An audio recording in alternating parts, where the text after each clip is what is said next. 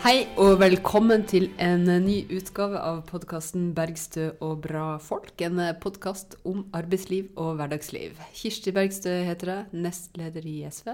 Og med meg har jeg Ingrid Wergeland, jeg er kommunikasjonssjef i Manifest Tankesmie. Og med oss i dag så har vi en uh, utrolig staselig gjest. Uh, faktisk, om jeg skal være helt ærlig, litt mer i hvert fall staselig kledd. Eh, og med et kamp, blikk av kampglød som jeg tipper dere kan kjenne gjennom stemmen. Anja Cecilie Solvik, sjølveste generalen for bunadsgeriljaen. Velkommen til oss. Tusen takk. Dette er jo en podkast om arbeidsliv og hverdagsliv. Og det er vel få eh, som eh, kanskje har pekt på eh, trusler og utfordringer i hverdagslivet tydeligere enn dere har gjort eh, siste tida i bunadsgeriljaen. Kan, kan, ikke du fortelle litt om bakgrunnen for bunadsgeriljaen? De fleste har vel hørt om dere nå. Men hva er dere for en gjeng, og hva er det dere eh, kjemper for? Du, vi kjemper jo for nærhet til et uh, trygt og godt uh, fødetilbud, og da en fødeavdeling uh, for kvinner. Og det starta jo da med fødeavdelingen i Kristiansund.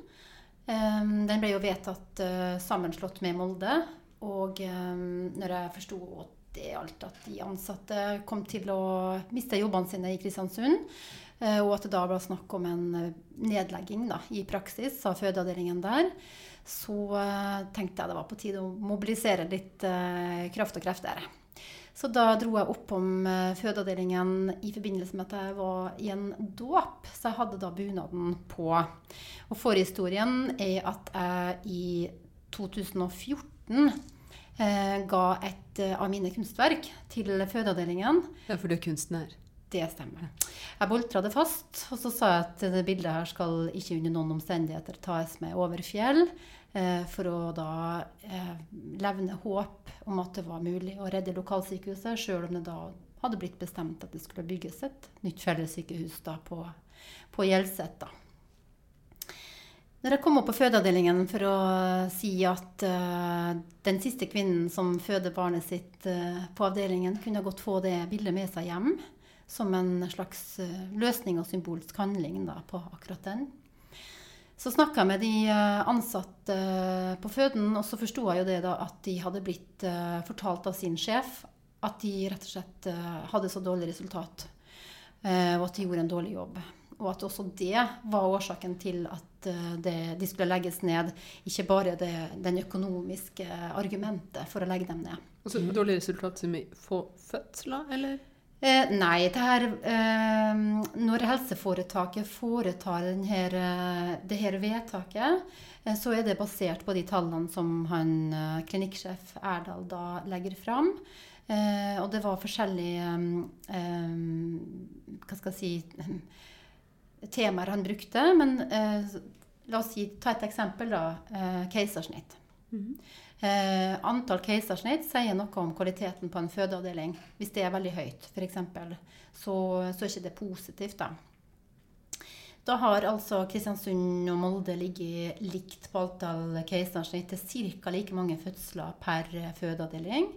Og da um, kunne de se at i 2018 så hadde da Molde fødeavdeling halvert sitt, sitt tall da, på keisersnitt. Eh, Dette sier noe om hastekeisersnitt når kvinnen er i mm. fødsel, mm. og da de må foreta en akutt uh, handling. Uh, det, tallene, det, han ikke sa noe om, da, det var jo at eh, Molde-avdelingen har da henvist folk videre, og det var måten de hadde klart å halvere antall keisersnitt på. Fordi de mer kompliserte tilfellene ble Ja. ja. Sånn at hvis du så på, på antall keisersnitt over fem år, mm. så var det likt. Ikke sant?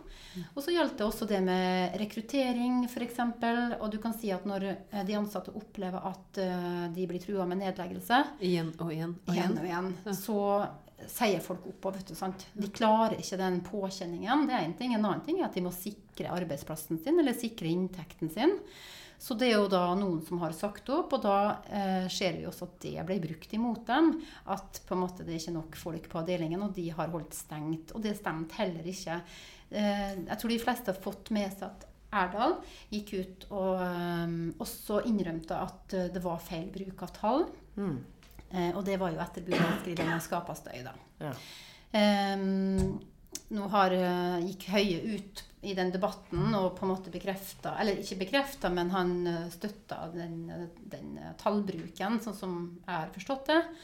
Sånn at um, fremdeles da så har ikke de ansatte som jeg ba om i 1. mai-appellen min, eh, fått en unnskyldning. Som jeg mener at de bør ha.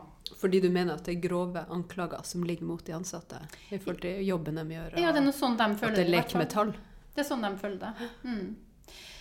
Eh, når jeg kommer opp på fødeavdelingen, så får jeg lov å se i eh, fødselspermen fra 1974. Jeg ble født på den avdelingen 9.10. klokka 17.26. Tatt imot av Peggy Daleng, som da eh, var jordmor den gangen. Og så hadde jeg på forhånd tenkt jeg har lyst til å gjøre et stunt. Og da det, da stilte jeg meg opp på utsida av den døra, fødeavdelingdøra, med liksom overskriften der, og så i bunad. Og så fleksa jeg muskler. eh, og så eh, skrev jeg da på Facebook den, min egen personlige fødselshistorie, da, og at um, kraften og kunnskapen til Peggy Daleng fremdeles bor i veggen da, eh, på denne avdelingen. For å støtte de ansatte, da. Um, og så var det vel egentlig dagen etterpå. Eh, for jeg bor jo i Heggedal i Asker. Jeg bor ikke i Kristiansund. Så um, da hadde jeg åtte timer foran meg i bil. Og så var det på vei Vi har elbil, så vi skulle lade da, lade den bilen. Og så får jeg plutselig en idé. Og det var sånn jeg fikk, altså jeg fikk frysninger over hele kroppen. Så jeg sier til mannen min du må bare kjøre meg tilbake til Kristiansund. For jeg har en idé. Hvor langt var dere kommet da? Vi var ikke kommet så langt. Vi var kommet en time. Første lading. Det var første lading. Så forteller jeg ideen, og jeg er gift med en ganske rolig og sindig kar. da. Så sier han at du trenger ikke tilbake til byen for det. Det her gjør du bare på sosiale medier. Så da legger jeg ut en oppfordring. At uh, jeg mener at det var på tide at kvinnfolk fikk på seg bunaden. Eh, og at de da skulle stille seg på strategiske plasser rundt omkring, først da på Nordmøre. Jeg tenkte det var en sak for Nordmøre i utgangspunktet. Siden det var der kampen sto? Ja. Ja. Og ehm, det gikk en liten stund, men dagen etterpå så tikk nesten og nesten ikke var vel liksom ah, Skjer det ingenting snart? Så dagen etterpå tikker det inn første bildet. Ei som har tatt med seg bunaden opp på Kvernberget, det lille fjellet vi har i Kristiansund. Og den passa ikke lenger, så holdt den opp foran seg sånn. Og så sier hun Bunaden passer ikke lenger, men jeg skjemmes ikke. Men jeg skjemmes over at jeg ikke kan se ungene mine i øynene og fortelle dem at de kan få føde sine fremtidige barn på fødeavdelingen i Kristiansund. Og dermed var vi i gang. Og det er nærmest eksplodert.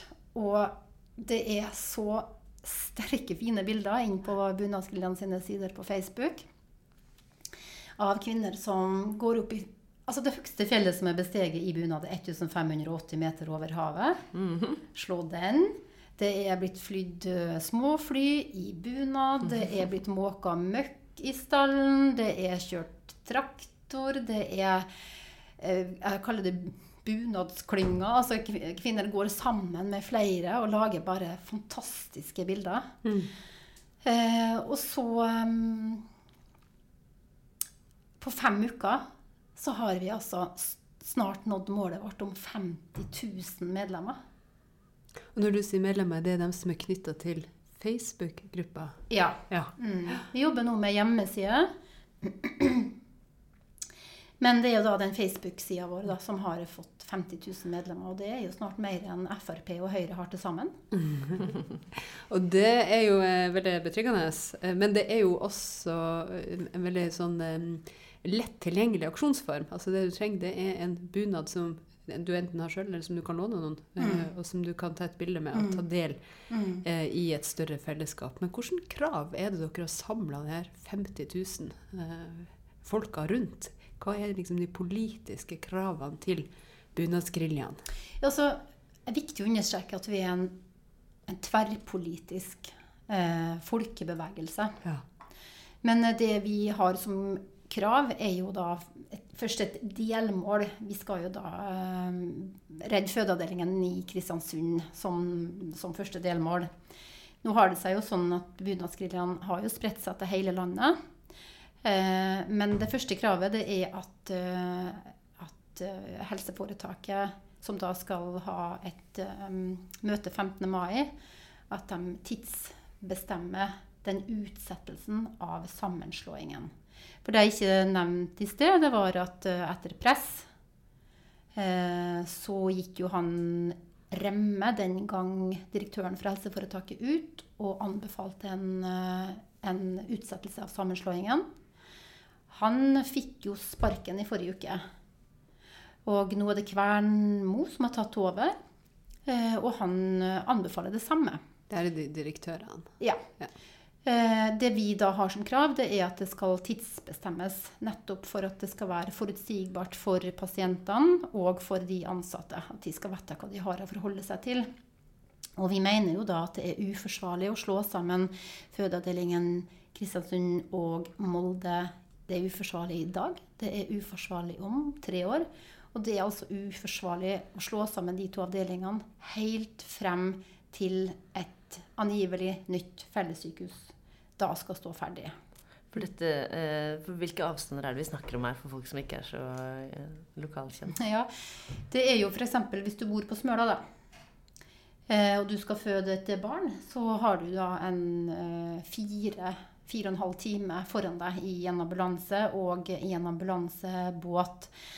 Og som et symbol på hvor langt det er, så hadde vi på tirsdag en helt enestående aksjon hvor ti kvinnelige roere i bunad rodde en høygravid dame over Talgsjøen.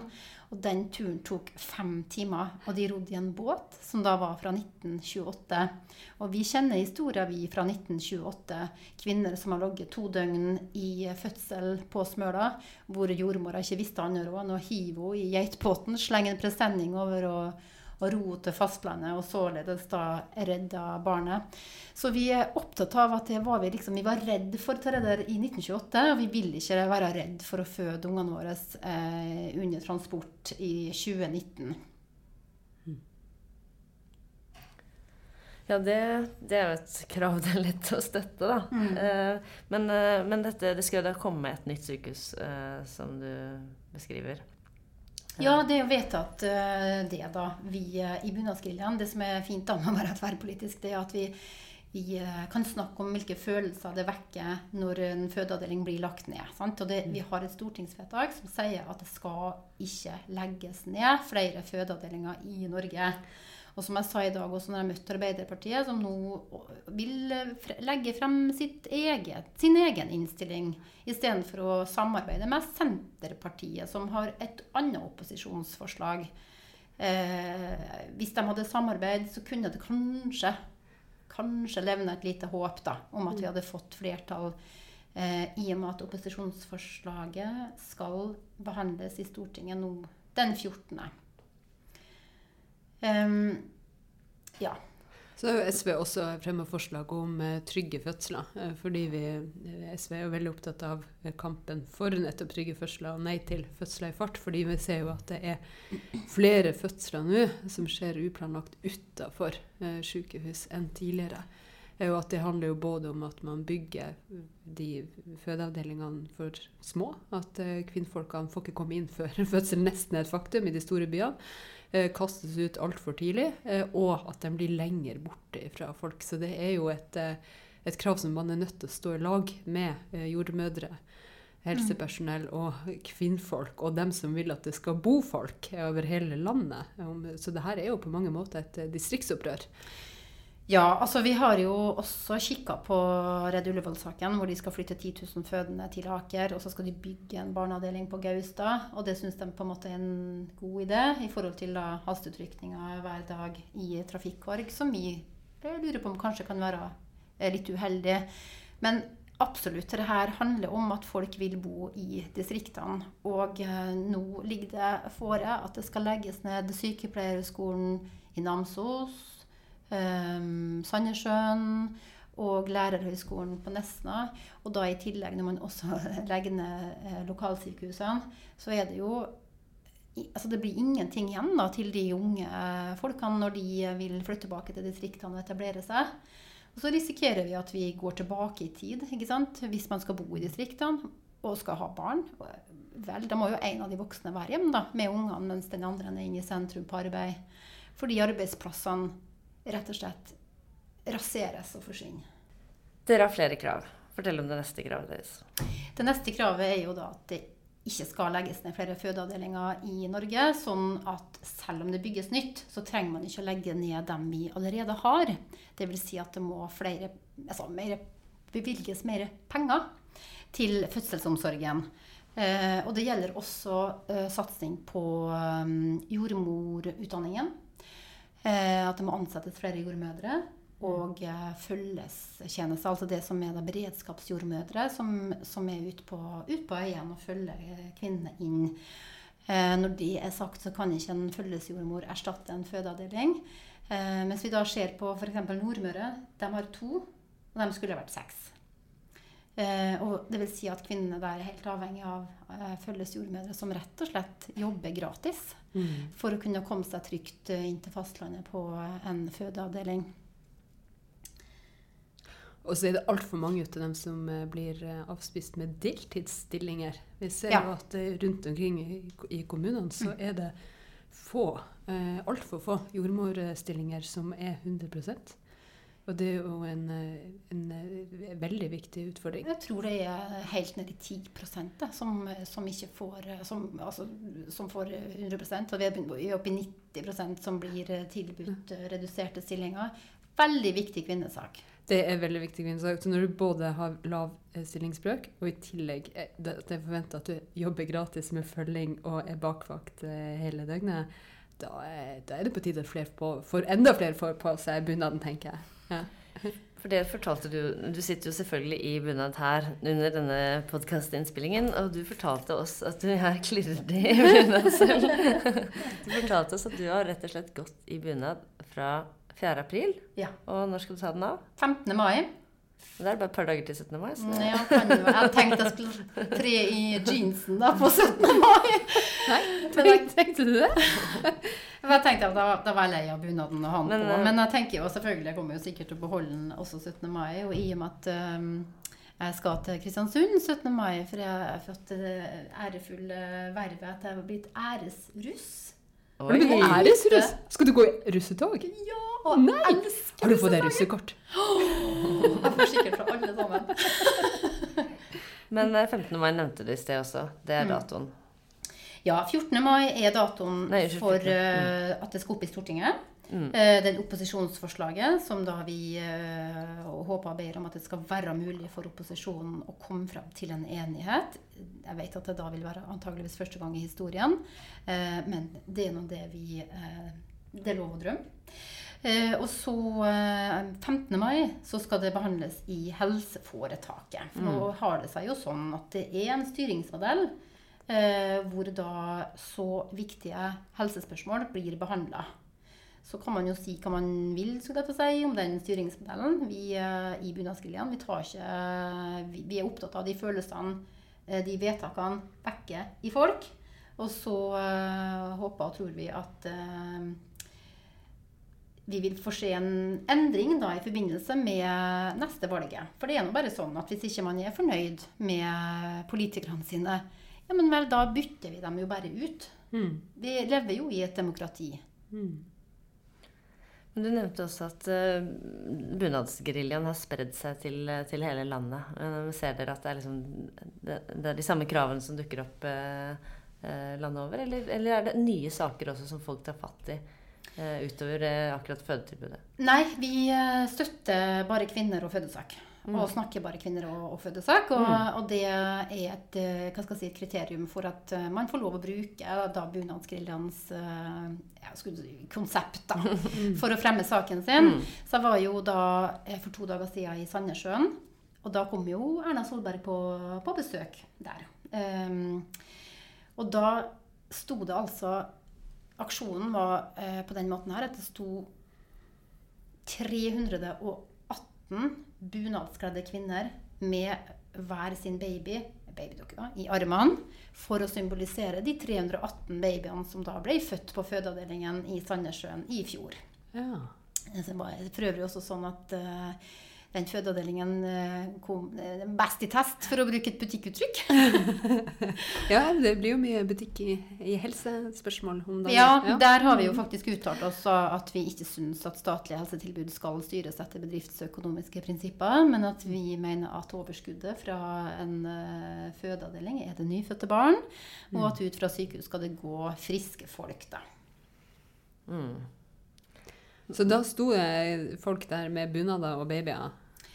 Ja, det er jo tatt nærmest et ikonisk bilde på Det var vel av Dagbladet, tror jeg. Hvor um, kvinner i bunad står med min muskelarm bak Erna. Uh, og hun eh, står og kikker litt ned, da. Mm.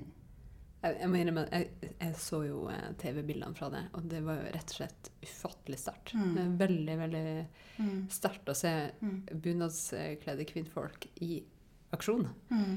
Dere har jo gjort bunaden eh, Politisert eh, bunaden igjen.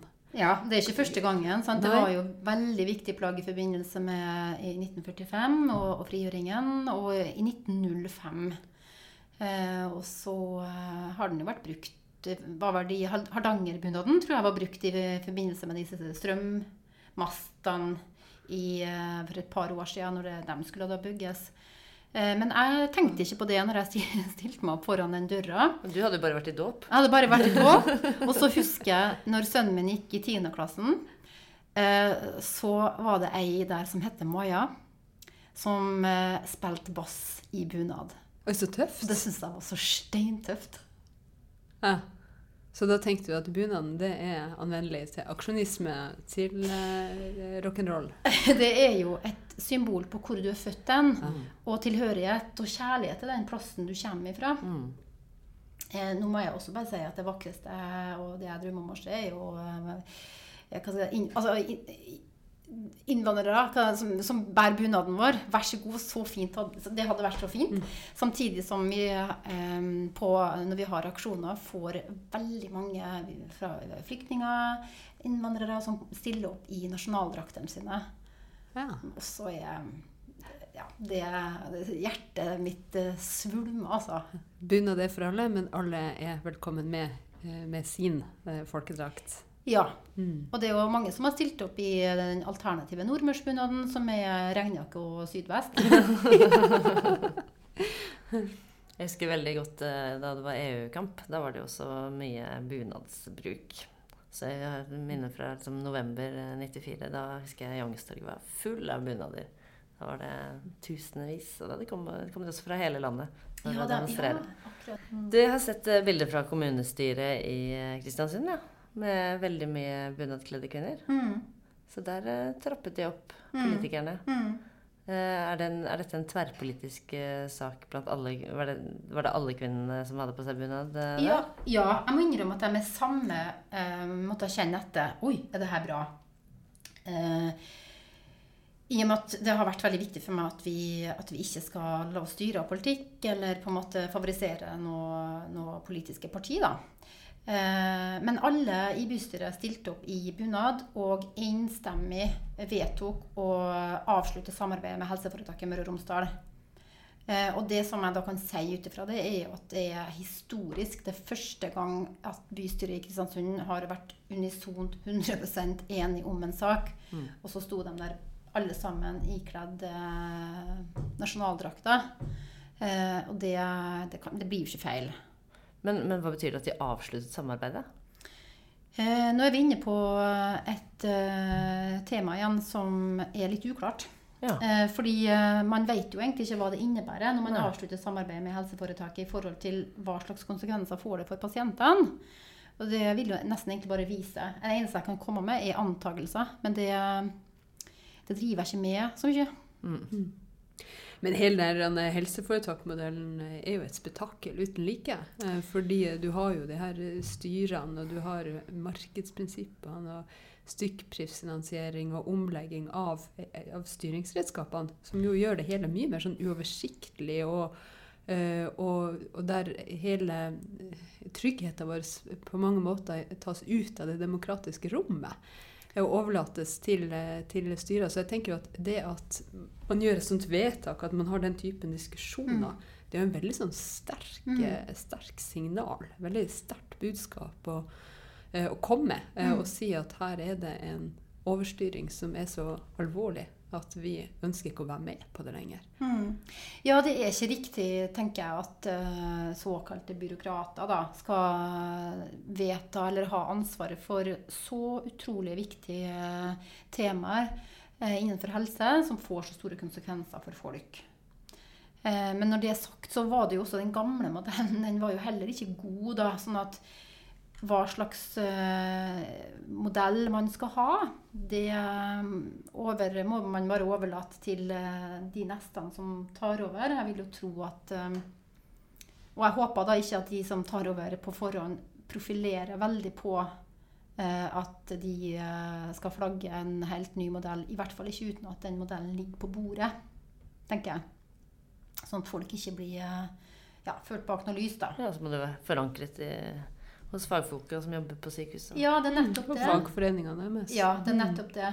Og um, vi mener jo Men det sa vel kanskje i stad at det er utrolig viktig at uh, denne type tema og denne type um, uh, område, da at det, at det, er politikerne som må ta det ansvaret. Mm. Rett og slett. For det får så store konsekvenser for folk. Og det, man kan ikke sitte, i hvert fall ikke bak et sånn type foretak og nærmest sånn toe sine hender, eller hva det nå er.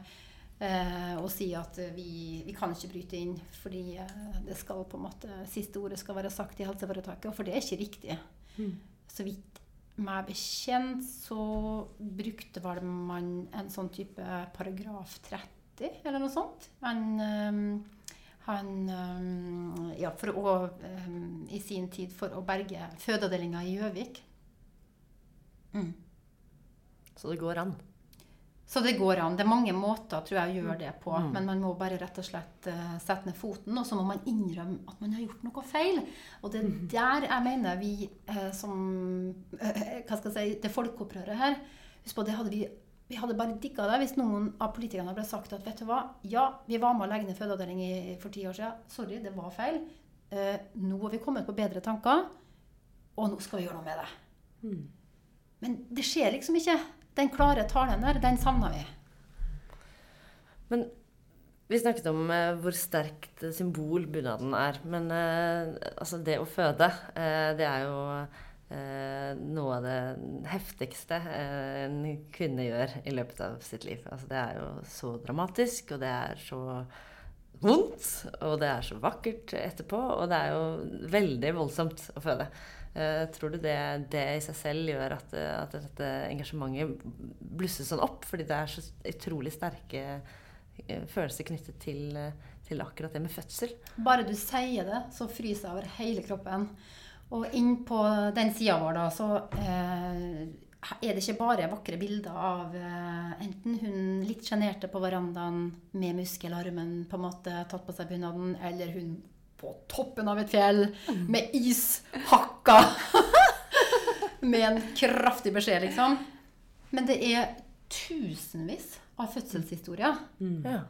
Og det eh, slo meg når jeg da besøkte fødeavdelingen i Kristiansund, at de sitter og leser de her historiene. Fag, altså de som jobber på fødeavdelingen. Og de leser dem og skriker, vet du. For en ting er å være da fagarbeider og, og lese den det vitnesbyrdet fra noen du har eh, jobba med, som er, det er en historie de aldri får gjenfortalt eller hører, mm. fordi man gjør en jobb. Mm. Og så forsvinner jo da den fødende med barnet, og så kommer de kanskje tilbake igjen tre-fire år etterpå. Sånn at Det er tilbakemeldingen da, fra dem at det har vært så sterkt å lese de historiene der. Mm. Og en annen ting er jo da, som jeg mener det er nærmest tabu, å snakke om fødselen sin. Og en fødsel er ja, det er en nydelig opplevelse. Men det er jo også en enorm kraftanstrengelse, og for veldig mange nærmest en traumatisk opplevelse. Absolutt. Eh, og det har man behov for å snakke om. Men jeg sjøl har jo født to barn. Har en datter på 21 og en sønn på 16.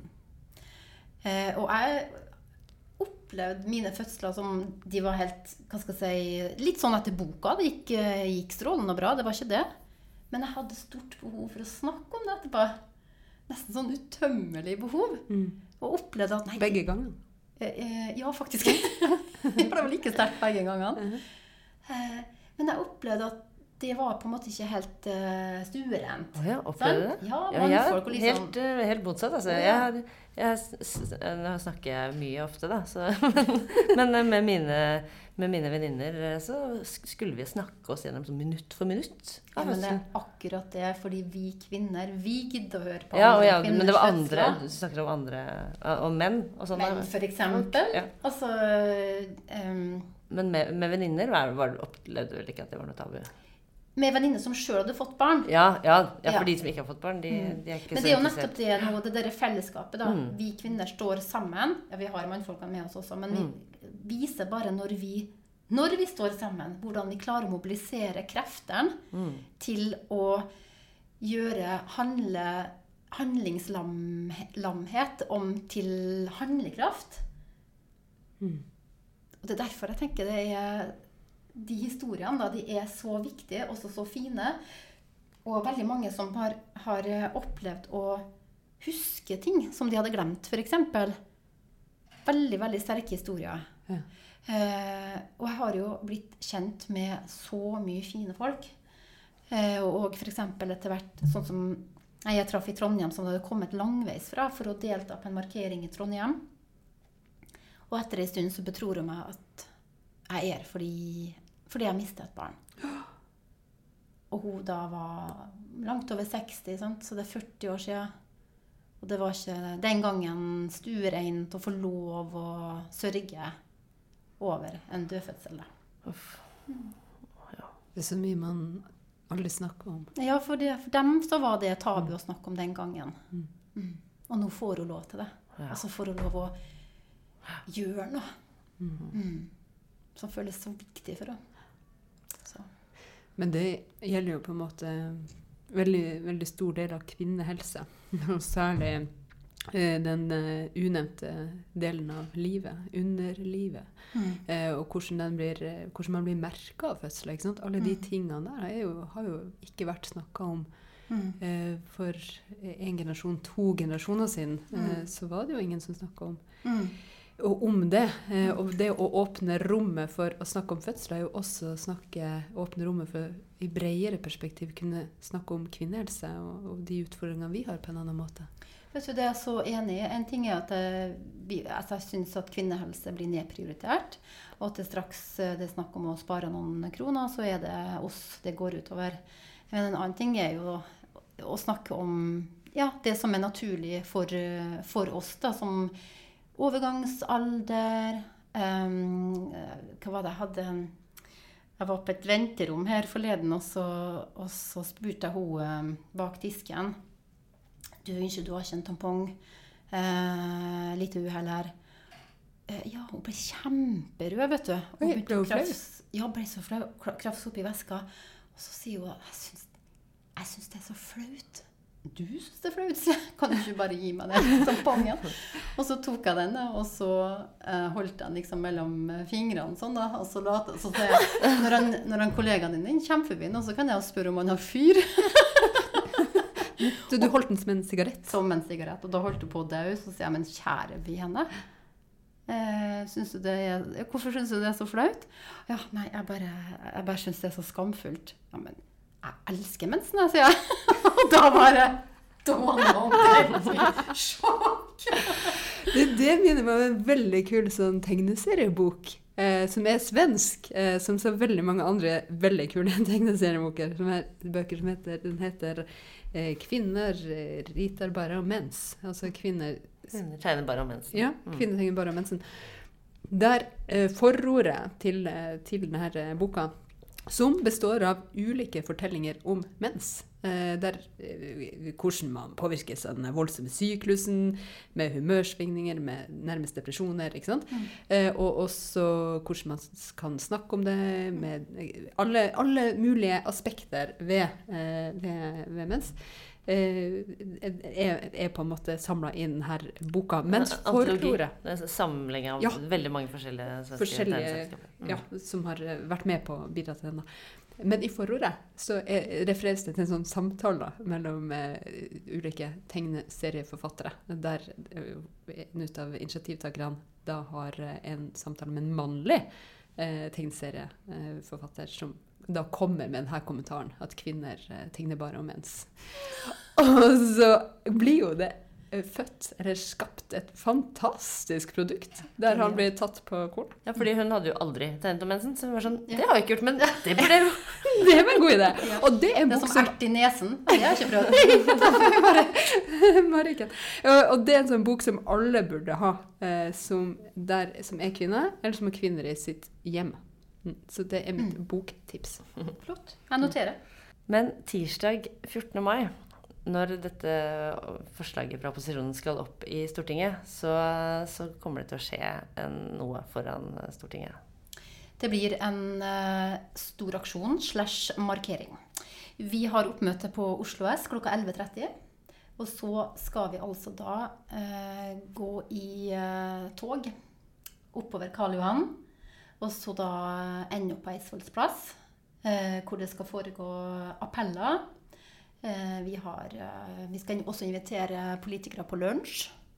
Så vi skal ha hvitduk og dekke på pent. Og eh, Frode Alnes kommer og skal spille ei låt.